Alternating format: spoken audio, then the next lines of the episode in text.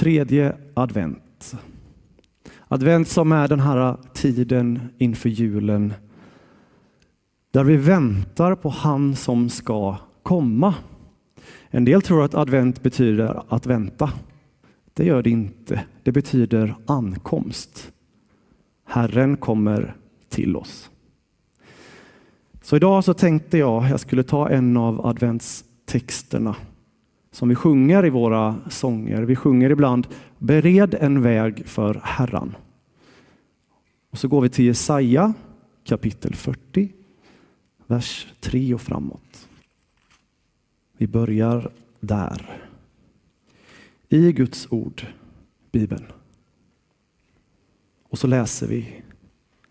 En röst ropar i öknen. Bana väg för Herren.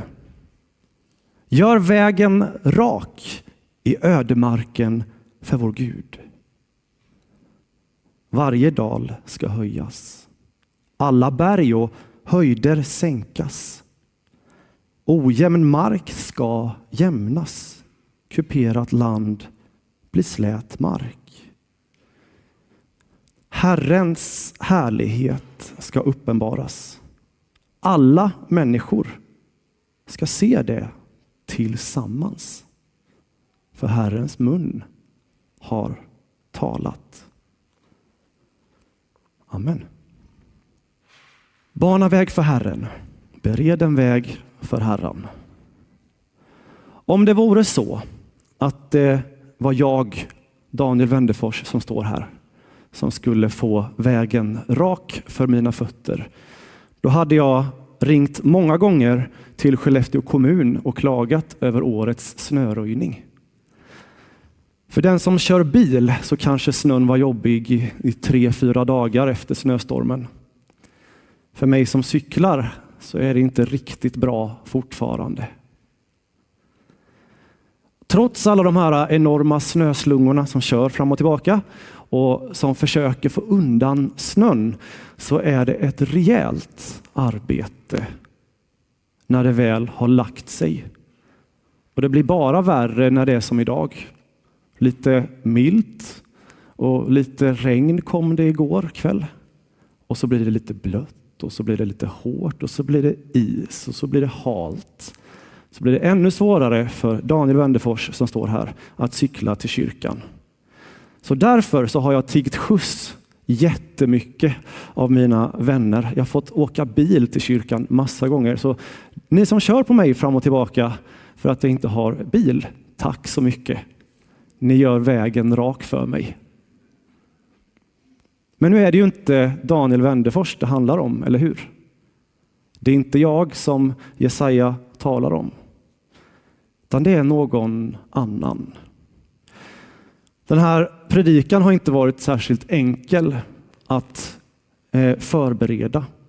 Det är så mycket som händer både i vår värld, i Skellefteå, i vår församling här och i mitt eget liv.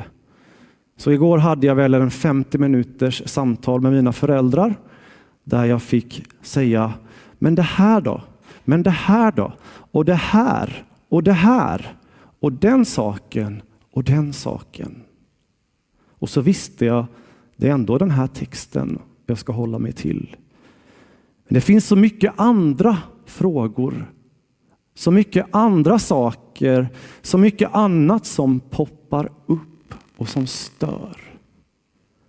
Och som tar till och med mitt fokus ibland. Den här texten bana väg för Herren i Jesaja kommer jag dela in nu i tre stycken områden. Det kommer vara det egna livet, det kommer vara församlingens liv och det kommer vara omvärlden. I mitt eget liv så finns det höjder och dalar. Om vi tar upp texten igen här, första, eh, fjärde versen, så börjar den. Varje dal ska höjas, alla berg och höjder sänkas. Det finns dalar, djupa platser. och det finns höjder, höga berg. I mitt eget liv, vad är de höga bergen och vad är de djupa dalarna? Ja, om vi börjar på berget, på toppen, när jag är som bäst, när jag har det som bäst, när livet funkar som bäst och när jag vet precis allting jag ska göra. Jag vet precis hur jag ska hantera alla relationer och eh, du kanske inte känner igen dig i det här, men ibland när man jobbar som jag gör så kan man drabbas av det som också kallas för stolthet och högmod. Jag vet inte om du känner igen. Kanske på din arbetsplats när du känner att nu har jag varit bättre än alla kollegor och det borde min chef min sann uppmärksamma. Att jag har jobbat hårdast. Jag borde få mer i löneökning än alla andra. Och sen när vi inte får mer lön än alla andra så känner vi oss lite förnärmade. Då spelar det ju ingen roll att jag försöker eller sådär. Det belönas ju ändå inte. Så drabbas man lite av högmod och så tänker man att det är jag som vet bäst och alla andra vet lite sämre. Framför allt när man kör bil har jag hört att det där kan falla in. Det finns undersökningar som säger att det är väl över 80 procent som kör bättre än alla andra i trafiken om de får fråga sig själva. Och då vet ni att då hänger inte matten ihop. Det finns berg i våra liv där vi är stolta och där vi tror att vi kan. Jag tänker som jag själv när jag var tonåring så vill jag kunna lära mig ett snabbt svar på tal om någon kom och ifrågasatte min tro. Inte för att den andra personen skulle få en tro på Jesus, utan för att jag skulle vinna en debatt. Det vore jätteskönt att kunna bortförklara alla sådana här saker som mina kompisar som var ateister kom och slängde i ansiktet på mig. Och, ha, jag har ett bättre svar. Nu blev du tyst min sann. Men vad handlar egentligen vårt budskap om? Vad är det vi vill förmedla? Vill jag trycka ner andra med mina fantastiska kunskaper eller vill jag predika evangelium? Och Det var också en frestelse idag när jag skulle förbereda predikan. Att jag kanske skulle adressera den frågan. Jag kanske skulle adressera den frågan. Och Gud sa, tror du Daniel verkligen att du vet bäst? Nej, jag gör nog inte det alltid. Så jag försöker hålla mig till Guds ord. Och så talar jag från mitt eget liv och du får lägga in ditt. Jag har fått eh, höra av mina kollegor nu, Daniel det är bra om du delar med dig lite av arbetsuppgifterna och inte tar allting själv. Jag har varit inne i en period när jag känner att det här är kul. Det händer i församlingen, jag får vara med. Och, jag vill det här och jag vill det här. Och det är så roligt. Och sen säger de, vi är några stycken till runt omkring. Vi är gärna med vi också. Stoltheten att jag tror att jag kan göra allt själv. Sen har vi Dalarna. Och de känner jag också igen. Den där rösten på insidan som säger du kan inte. Du är värdelös. Försök inte. Det kommer ändå inte lyckas. När jag har höga ideal, när jag vill mycket, men jag kan inte nå upp dit. Det går inte hur jag än försöker. Och så drabbas jag av skam. En del tänker att motsatsen till, eh, till eh, stolthet är ödmjukhet. Nej, inte riktigt. Jag tror att det är skam. Att inte tro någonting om sin egen förmåga. Men om vi tror på en Gud som genom sin heliga ande utrustar och ger gåvor, då har du någonting att bidra med i den här gemenskapen och där du finns runt omkring dig. Fördömelse över ens eget liv. Och så står det i Romarbrevet att det finns ingen fördömelse för den som är i Kristus. Men hur är det med ödmjukheten då, kanske någon undrar som är vän av ordning? Jo, vi kan läsa i Sakarja 9, en annan av de här adventstexterna. Och du som har en bibel får slå upp. Nu ska jag också slå upp i min bibel. Jag har inte förberett det här, så du har lite tid. Sakarja kapitel 9 och vers 9. Det står så här. Fröjda dig stort dotter Sion, jubla dotter Jerusalem. Se din konung kommer till dig. Rättfärdig och segerrik är han. Han kommer ödmjuk ridande på en åsna på en åsninnas föl. Så hur är det med ödmjukheten? Han är rättfärdig och segerrik. Han behöver inte sticka under stolen med att han kan någonting, våran Herre. Han som kommer till oss, Jesus själv, han är Guds son. Han har makt och auktoritet. Men han rider in på en åsna. Han kommer inte ovanifrån och säger titta på mig vad duktig jag är och hur dålig du är. Så ödmjukhet i förhållande till både skam och stolthet, det är det där svenska lagom. va? Att välja den vägen som inte ljuger, vare sig om min oförmåga eller min överförmåga. Utan som väljer sanningen. Som nöjer sig med den. Och som vet att det handlar inte om mig. Och det handlar inte alltid om mina åsikter och vad jag tycker. Utan det handlar om att Gud leder. Jesus. Han vill komma till dig, han vill rida in i ditt liv och han vill leda dig. Så här får både stoltheten och skammen i mitt liv ge vika. Och det får jämna ut sig. I Guds närhet, i, i närheten i umgänget med Jesus så får det där vara. För jag behöver förbereda mitt hjärta på att ta emot Herren som kommer till mig. Det är inte mitt rike. Det är inte jag som ska ha skjuts fram och tillbaka. Det är Jesus som ska få en väg rakt in i mitt hjärta. Då kommer vi till nästa punkt. I församlingens liv, i gemenskapen, den kristna gemenskapen.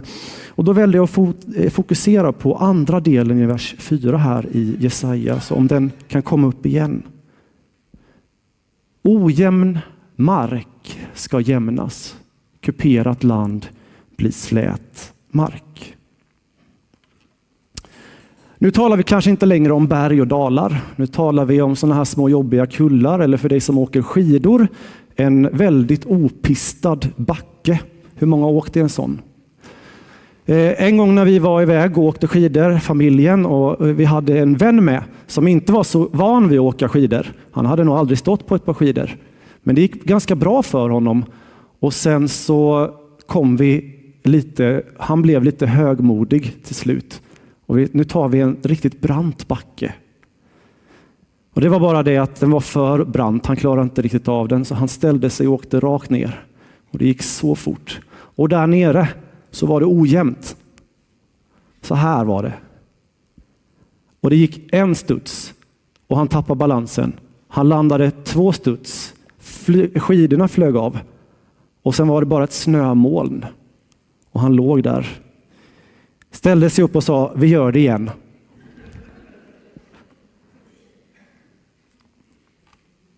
Vi gör det igen.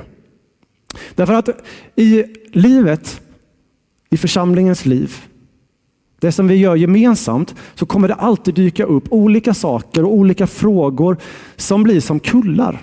Och som också blir sådana här saker som vi lätt kommer på med alldeles för hög fart och tycker att den här pucken, den här är viktig. Och den här pucken, den är viktig. Och framförallt den här, den är jätte, jätteviktig.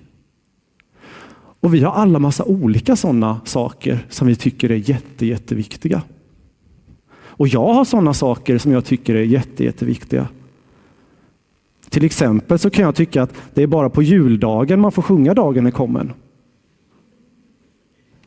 Men idag var enda chansen vi kunde sjunga den i en gudstjänst, förutom möjligtvis julafton.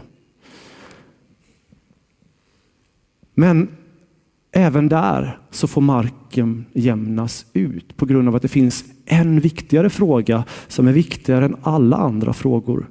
Som är viktigare än all kyrkopolitik vi kan hålla på med och all annan politik i världen runt omkring. Det handlar om Guds rike och det handlar om Herren som kommer till oss. Och Det roliga, eller det härliga med Jesus, det är att när han kommer till oss så stannar han inte heller bara kvar. Utan när Jesus kommer till oss, då har han ett ärende. Jag tänker, tänker ibland på, han kommer till Jeriko och han är liksom bara på väg förbi. Och så möter han Sackeus på vägen förbi. Om man läser evangelierna så är det så många gånger som Jesus bara är på väg förbi. Men han stannar upp och möter människor, lyfter upp dem och sen går han vidare. Och jag tror att det kan vara viktigt också så i vår församling att Jesus är på genomresa. Det finns ett större perspektiv. Vi behöver inte fastna på alla pucklar. Vi måste vidare. Jesus har ett ärende till hela världen. Nu kommer vi till sista punkten. Det där med omvärlden. Och då tar vi den sista versen i Jesaja, vers 5. Herrens härlighet ska uppenbaras. Kan man få ett amen på det? Herrens härlighet ska uppenbaras. Bra. För vilka då? För församlingen i Skellefteå? För bara Israels folk eller för min egen bönegrupp eller någon annan liten gemenskap jag är med i? Nej, alla människor. Alla människor. Alla människor ska se det, Herrens härlighet, tillsammans. Och här kommer en utmaning. För vem är det som kommer? Jo, det är Jesus. Jesus som i, är Guds Jesus som är Guds frälsning. Hur många vet det att Jesus betyder Guds frälsning? Om ni läser i Gamla Testamentet, då står det Herrens frälsning eller Herrens räddning. Då står det i grundtexten står det Jeshua.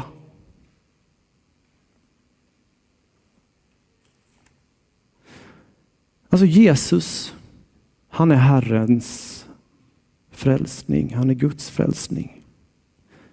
Det är han som kommer till oss och det är hans härlighet som ska få bli uppenbarad.